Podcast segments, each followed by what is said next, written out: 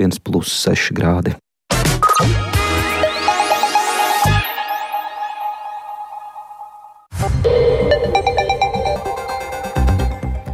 12,5 minūtes, un tas ir ziņu raidījuma pusdiena laiks, kurā plašāk skaidrosim šīs dienas, 16. oktobra būtiskos notikumus.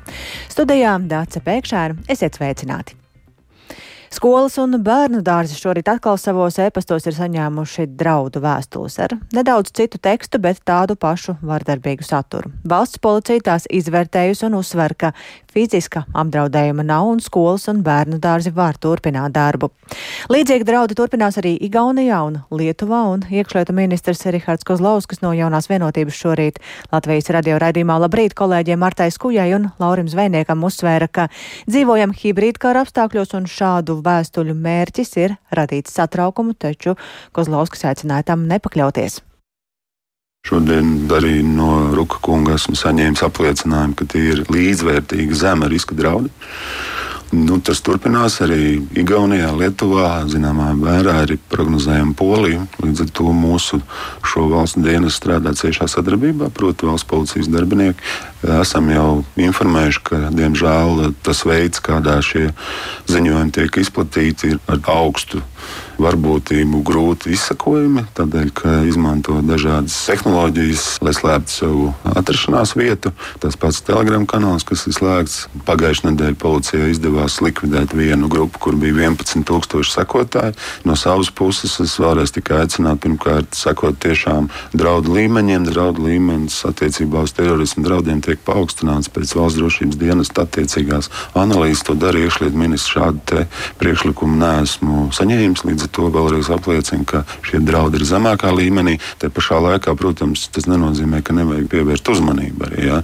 Tā kā te arī varētu būt zināms, varbūt kaut kādas provokācijas. Tādēļ nu, mums ir jābūt modriem. Nu, tā ir tā realitāte. Nu, kāds apzināti traucē mūsu normālo dzīvi.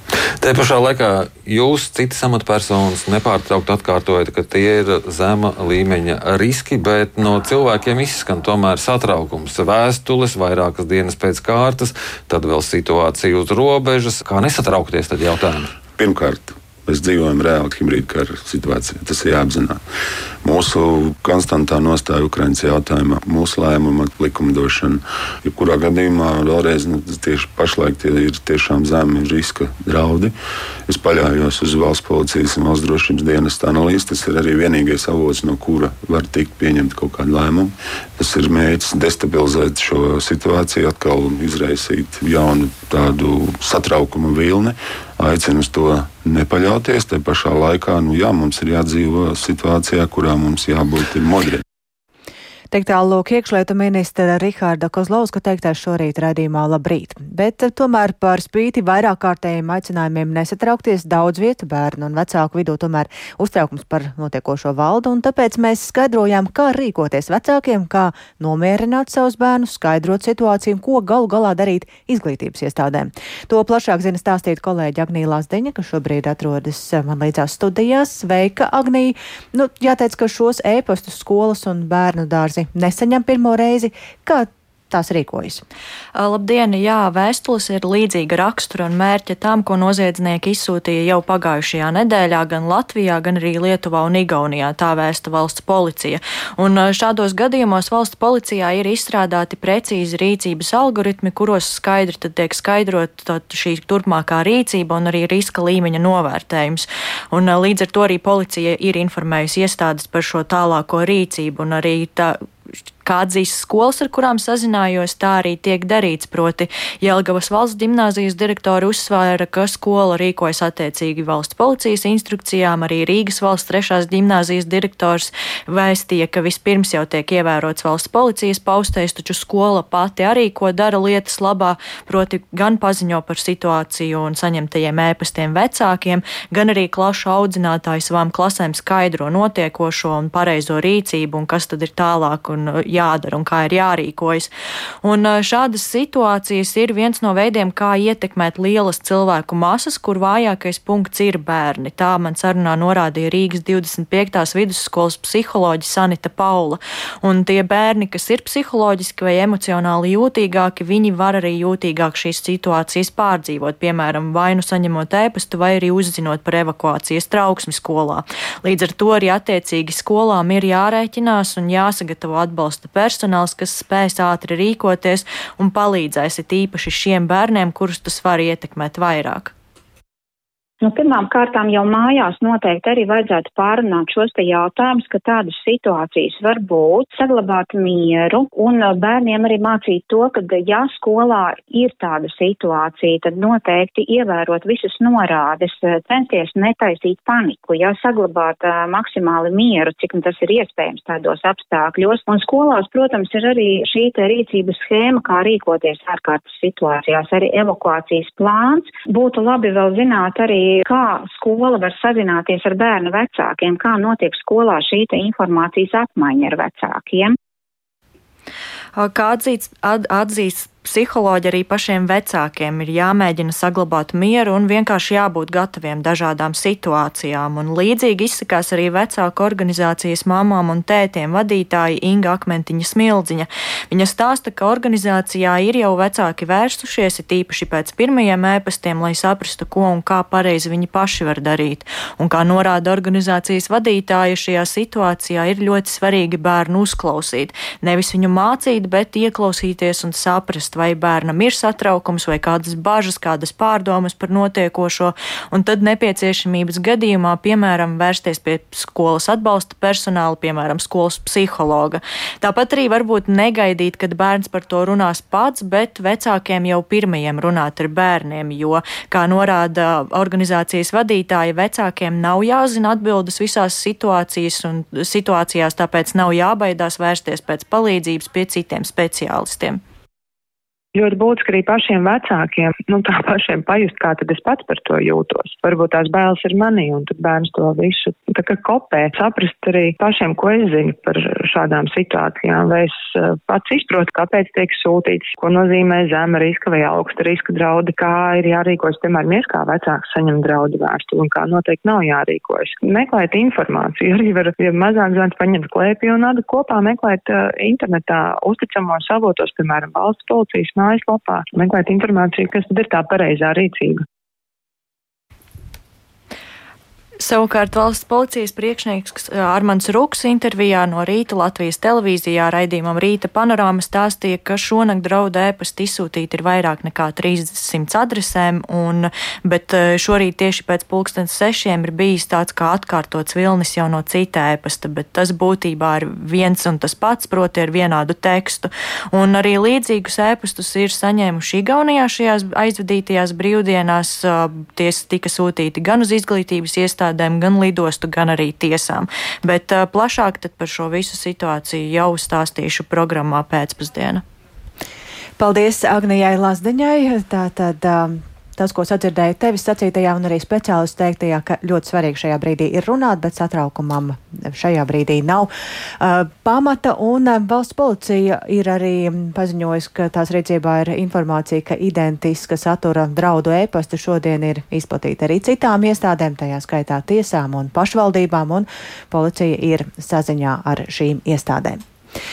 Bet no šodienas ir apturēta pēdējais un vientuļu robežu čērsošanas punktu darbība, un uz, tas tātad uz robežas ar Krieviju, un šajās vietās ir uzstādīti betona aizsliegņi, bet tur līdz šim strādājošie robežsargi novirzīti darbam citās vietās. Iekšlietu ministrs Rihards Kozlauskas no jaunās vienotības šorīt gan uzsvēra, ka bez uzraudzības šie punkti netiks atstāti. Vēl naktī tur bija pulcējušies vairāki desmiti cilvēku, kas vēlējās izbraukt no Latvijas, un daļu no viņiem nogādāti ir Grebņevā. Vai citi mēģinās tagad doties uz Baltkrieviju? To tūdaļ mēģināsim skaidrot, jo patarnieku robežu kontrols punktā šobrīd atrodas mūsu Latgales studijas korespondente Silvija Smagare, un viņa šobrīd ar viņu esam sazinājušies. Sveika, Silvija, un saka, kāda šobrīd ir situācija patarniekos. Jā, sveicināti radioklausītāji. Uh, Vientuļu robežu krēšošanas vietas darbība uz Latvijas-Krievijas robežas ar šodienu tātad ir cieta, un kā jau minējāt, to slēdza pulksten 12. naktī, uzstādot betona aizslietņus, un ne visiem, kas vēlējās šajā vietā robežu šķērsot un iekļūt Krievijā, tas, izskanē, tas izdevās. Un tiešām tā arī bija, ka daudzi cilvēki bija palikuši aiz robežas, bet nu, vēlāk naktas laikā pietika aizvest ar autobusu vai nu uz Grebņevas punktu vai nu Varšavas virzienā. Un izskanēja bažas, ka daļa Ukraiņas pilsoņu varētu mēģināt Krievijā iekļūt cauri Baltkrieviju. Šajā gadījumā tieši piedarījās robežu apsardzības nodaļu, kas pēc Silenes robežu šķērsošanas vietas slēgšanas eh, tagad ir vienīgā robežu šķērsošanas vieta ar Baltkrieviju. Tomēr vismaz šobrīd, un jau rīta pusē, kopš esmu piedalījies pieturies pusē apkaimē un arī pašā punktā nekas neliecina par kādu intensīvāku kustību. Rindām. Tā kā ierasts ir ap 400 kravas automašīnām, kas tiecas aptuveni 7 km garumā. Latvijas pusē ir ap 10-15 vieglās automašīnas, taču neviena no tām nav ar Ukrainas numura zīmēm. Uh, to, ka Piedrajā uz robežas pagaidām nekas nav mainījies un viss ir mierīgi. Šorīt uh, telefoniski man apliecina arī valsts robežas sardas Dāngāpils pārvaldes priekšnieka pienākumu izpildītājs Raimons Kublickis. Šobrīd situācija pārtraunieku robežšķērsošanas vietā nav mainījusies. Ukraiņu pulcēšanās pie robežu kontrolas punkta nav novērota, un tā kā situācija ir stabila, pagaidām nekādas izmaiņas nav attiecībā uz Ukraiņu robežšķērsošanu. Mūsu rīcībā esošā informācija liecina, ka šobrīd Baltkrievijas pusē neļauj ceļot iekšā Ukraiņas pilsoņiem, kas vēlas ceļot tranzītā uz Krieviju, jo ja viņiem ir kaut kādi iekšēji nosacījumi, kas nepieļauj to ieceļošanu no Baltkrievijas o escribe. Uh, oficiāli gan Latvijas robežsargiem šādas ziņas Baltkrievijas puse nav sniegusi. Uh, taču man ir informācija, ka ir bijuši gadījumi, tie gan nav bijuši daudz, bet uh, kad iebraukušie Baltkrievijā Ukrāņi Krievijā nav ielaisti un tie ir atgriezti atpakaļ. Līdz šodienas pusdienu laikam, tātad pēdējo 12 stundu laikā, kopš slēgtas robežu ķērsošanas vietas vientuļos un pededzē, pieturies robežu apsardzības nodaļā nekas nav mainījies. Arī Krāslavas novada pašā Piedrijas pagastā nav manīta kāda iedzīvotāja vai transporta kustība. Es par to pilnībā šodien pārliecinos. Te nekas neliecina par Ukraiņu pilsoņu esamību ar vēlmu iekļūt Baltkrievijā, tad attiecīgi vēlāk arī Krievijā. To man arī šodien apliecināja Piedrijas pagasta pārvaldē. Tomēr situācijas attīstībai uz robežām gan ar Krieviju, gan ar Baltkrieviju tiks sekots, jo jāsaprot, ka ir pagājušas tikai 12 stundas kopš ir notikušas šīs pārmaiņas uz uh, Latvijas-Krievijas robežas, slēdzot šos divus punktus. Attiecīgi var saprast, ka ir palikuši ar Krieviju tikai divi uh, robežu šķērsošanas punkti. Tas ir Terehovā un Grebņevā. Uh, bet Ukraiņas pilsoņiem nu, šobrīd sanāk, ka vienīgā iespēja, kā nokļūt Krievijā, ir izmantot Šeremetjevas lidostu Maskavā. Paldies Silvijai Smagarai. Tāda šobrīd lūk situācija uz robežas ar Baltkrieviju, un kā dzirdējām Silvijas teiktajā, tad vismaz pagaidām pastiprināta pulcēšanās uz Baltkrievijas robežas eh, nav novērota pēc tam, kad ir slēgta un apturēta pēdējais un vientuļu robežu šķērsošanas punktu darbību uz robežas ar Krieviju. Par citiem notikumiem Izraēlas armijai turpinot bombardēt eh, ar teroristiskā grupējuma Hamas saistītus mēķus gāzes joslām bojā gājuši teju 2700 cilvēku ievainoti, teju 10 tūkstoši, bet vēl tūkstotis varētu būt zem gruvešiem.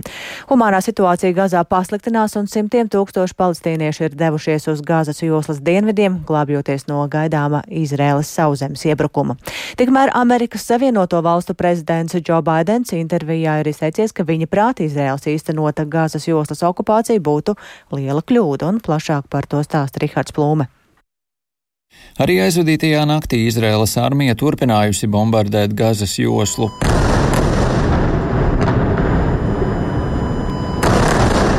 Tiek vēstīts, ka aizvadītās nakts bombardēšana bijusi visintensīvākā kopš teroristu iebrukuma Izrēlā. Izrēlas armijas runas vīrs Jonatans Konriks norādījis, ka pēc Izrēlas aicinājuma pamest gazas ziemeļus tos pametis aptuveni pusmiljons tās iedzīvotāju.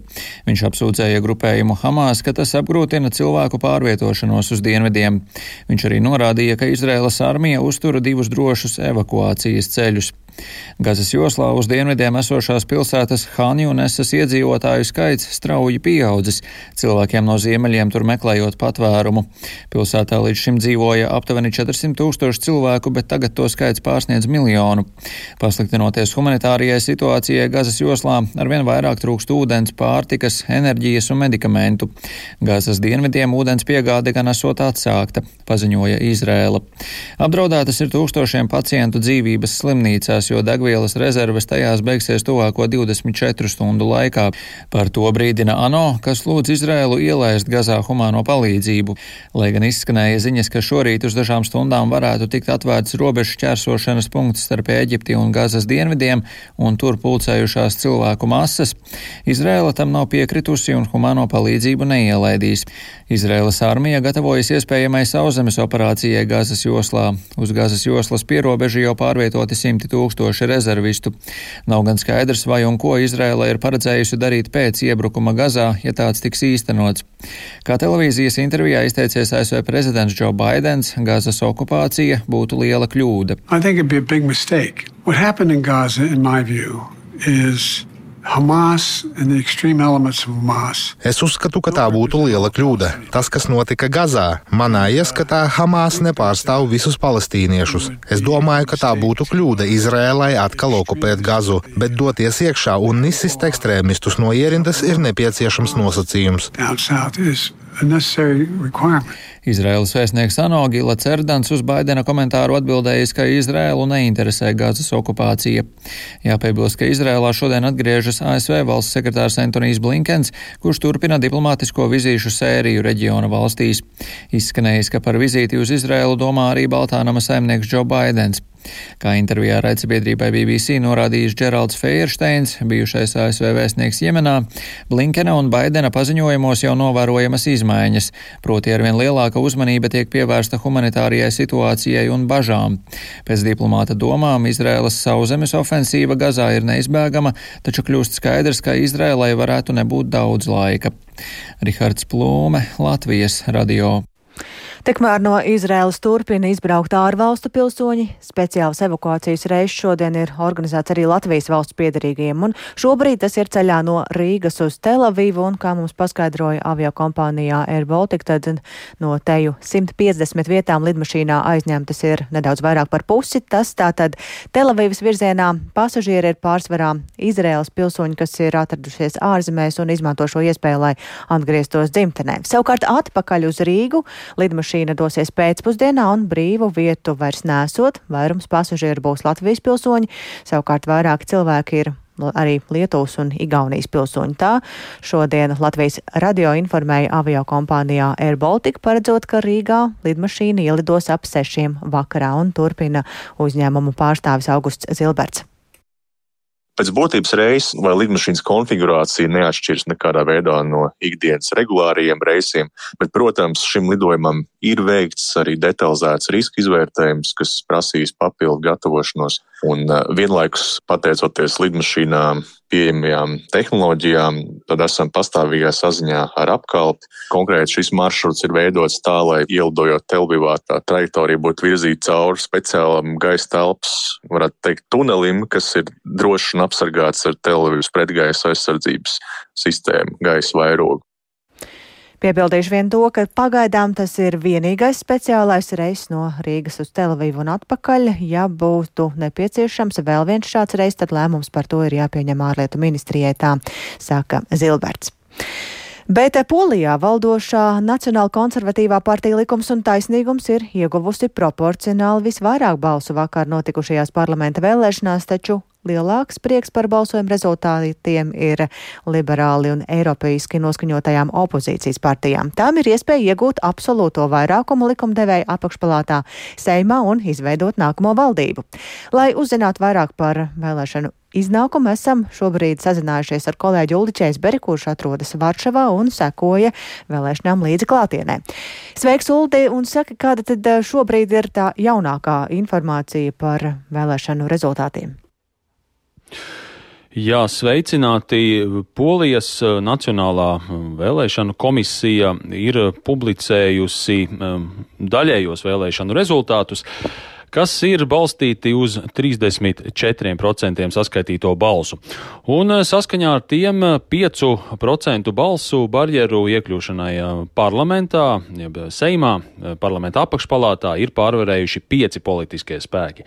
Nu, proporcionāli visvairāk balsu 40% ir saņēmusi premjerministra Matejuša Moravecka pārstāvētā partija Likums un taisnīgums. Eh, bijušā premjera un Eiropas Savienības padomes prezidenta Donalda Tuska vadītā centriski liberālā pilsoniskā koalīcija ir ieguvusi 26,5% balsu. Un tad trešajā vietā ir ierindojusies centriski labējā partija Trešais ceļš, par ko ir nobalsojuši 14%, bet tai seko partija Jaunie kreisie, kas ir iegūsi 8% balsu.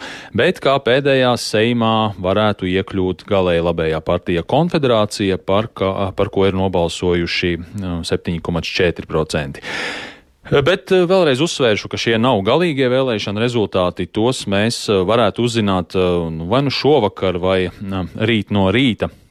Vakar vakarā pēc iecirkņu slēgšanas mediji publicēja uzņēmuma Ipsos veikto nobalsojušo vēlētāju aptauju jeb tā dēvēto exit polu, un saskaņā ar tās rezultātiem tiek prognozēts, ka likums un taisnīgums varētu iegūt 200 krēslus Seimā, kurā ir kopumā 460 deputātu vietas. Un tad savukārt Pilsoniskā koalīcija varētu iegūt 160, 163 deputātu vietas, bet tās nu, potenciālajie koalīcijas partneri, teš, trešais ceļš un jaunie kreisie varētu saņemt attiecīgi 55 un 30 mandātus, un konfederācija saskaņā ar šiem exit poll datiem varētu iegūt tikai 12 vietas uh, Seimā. Ja šāds deputātu mandātu sadalījums būs arī pēc oficiālo vēlēšanu rezultātu publicēšanas, nu tad opozīcijā esošajām tam, šīm trim liberālajām partijām būs labākas izredzes veidot nākamo valdību. Nu, ja vēlēšanu rezultāti vēl ir tā teikt biezā miglā tīti, tad ir skaidrs, ka šajās vēlēšanās ir reģistrēta rekordaugsta vēlētāja aktivitāte, jo uz balsošanas iecirkņiem Atvainojos, aizgāja 72% valstīsīgo polijas pilsoņu, un tas ir augstākais rādītājs kopš 1989. gada. Vēl piebildīšu, ka vienlaikus ar parlamenta vēlēšanām notika arī uh, valdības ierosinātais referendums, kurā vēlētājiem bija jāatbild uz četriem jautājumiem, no kuriem divi bija par to, vai Polijai būtu jāuzņem tūkstošiem nelegālo migrantu no citām Eiropas Savienības dalībvalstīm, un eh, par to, vai nojaukt uz Baltkrievijas robežas uzbūvēto žogu. Nu, tā kā referendumā piedalījās tikai 40% balstiesīgo, tad tas nav uzskatāms par notikušu. Dācē? Jā, Uldei, lai gan vēl oficiālajie vēlēšana rezultāti nav paziņot skaidrs, ka jau šobrīd noteikti ir arī kādas rezu, eh, reakcijas uz vēlēšana rezultātiem. Ko tu par tām vari teikt? Jā, nu, likums un taisnīgums pārstāvji ir uzskata, ka šis ir panākums viņiem, jo tā ir pirmā reize, kad kāda partija ir saņēmusi visvairāk balsu trīs parlamenta vēlēšanās pēc kārtas. Pēc kārtas. Likums un taisnīgums politiķi arī ir izteikušies, ka viņi varētu aicināt valdībā partiju trešais ceļš. Nu, šī, gan, šī partija gan ir tādu iespēju noraidījuši, bet pilsoniskās koalīcijas līderis Tusks paziņoja, ka viņš nu, nekad nav bijis tik priecīgs par otro vietu jo šīs vēlēšanas pielikšot punktu likuma un taisnīguma valdībai. Nu, iespējams, ka Tusks priecājas pāragri, bet nu, to mēs redzēsim vēlāk šodien vai rīt. Un es šorīt sazinājos ar politologu Eugeņušu Smolaru, kurš mūsu sarunā uzsvēra, ka tā dēvētā demokrātiskā opozīcija vēlēšanās ir guvusi labus panākumus, nu, par spīti tam, ka likums un taisnīgums izmantoja visus savā rīcībā esošos administratīvos līdzekļus, lai tas nenotiktu. Un Smolars arī domā, ka likums un taisnīgums nu, tā vienkārši no varas varas neatteiksies. Nu, tad varam paklausīties viņa teikto. Man ir aizdomas, ka likums un taisnīgums partija un cilvēki, kuri ieņem vadošos amatus ne tikai pašos augstākajos varas ešalonos, proti ministrijās, bet arī visā valstī, darīs visu iespējamo, lai nepieļautu vai apgrūtinātu mierīgu valdības maiņu. Jauns Molārs domā, ka arī Polijas prezidents Andrzejs Duda, kurš kādreiz pārstāvēja likums un taisnīgums, nu savos atlikušajos divos gados amatā varētu mēģināt traucēt šīs liberālās ja valdības, ja tāda tiks izveidot darba. darbu. Bet eksperts ir pārliecināts, ka opozīcija varēs izveidot valdību, kas atjaunotu Eiropas Savienības uzticību Polijai, kā mēs zinām, tad Varšavai ar Briseli pēdējos gados attiecības ir bijušas ļoti saspīlētas gan saistībā ar šiem te valdības īstenotajām tieslietu mhm. sistēmas reformām, gan arī jautājumā par bloka migrācijas politiku. Tas man tā īsumā. Paldies Uldim Česberim, kurš atrodas Varšavā un ziņoja mums par vēlēšanu rezultātiem Polijā. Un ar to tad arī skan raidījums pusdiena, ko producēja Ilze Agīnta, ierakstus montēja Renāša Teimanis par labskaņu ropējās Katarīna Bramberga un ar jums sarunājās Dāca Pēkšēna.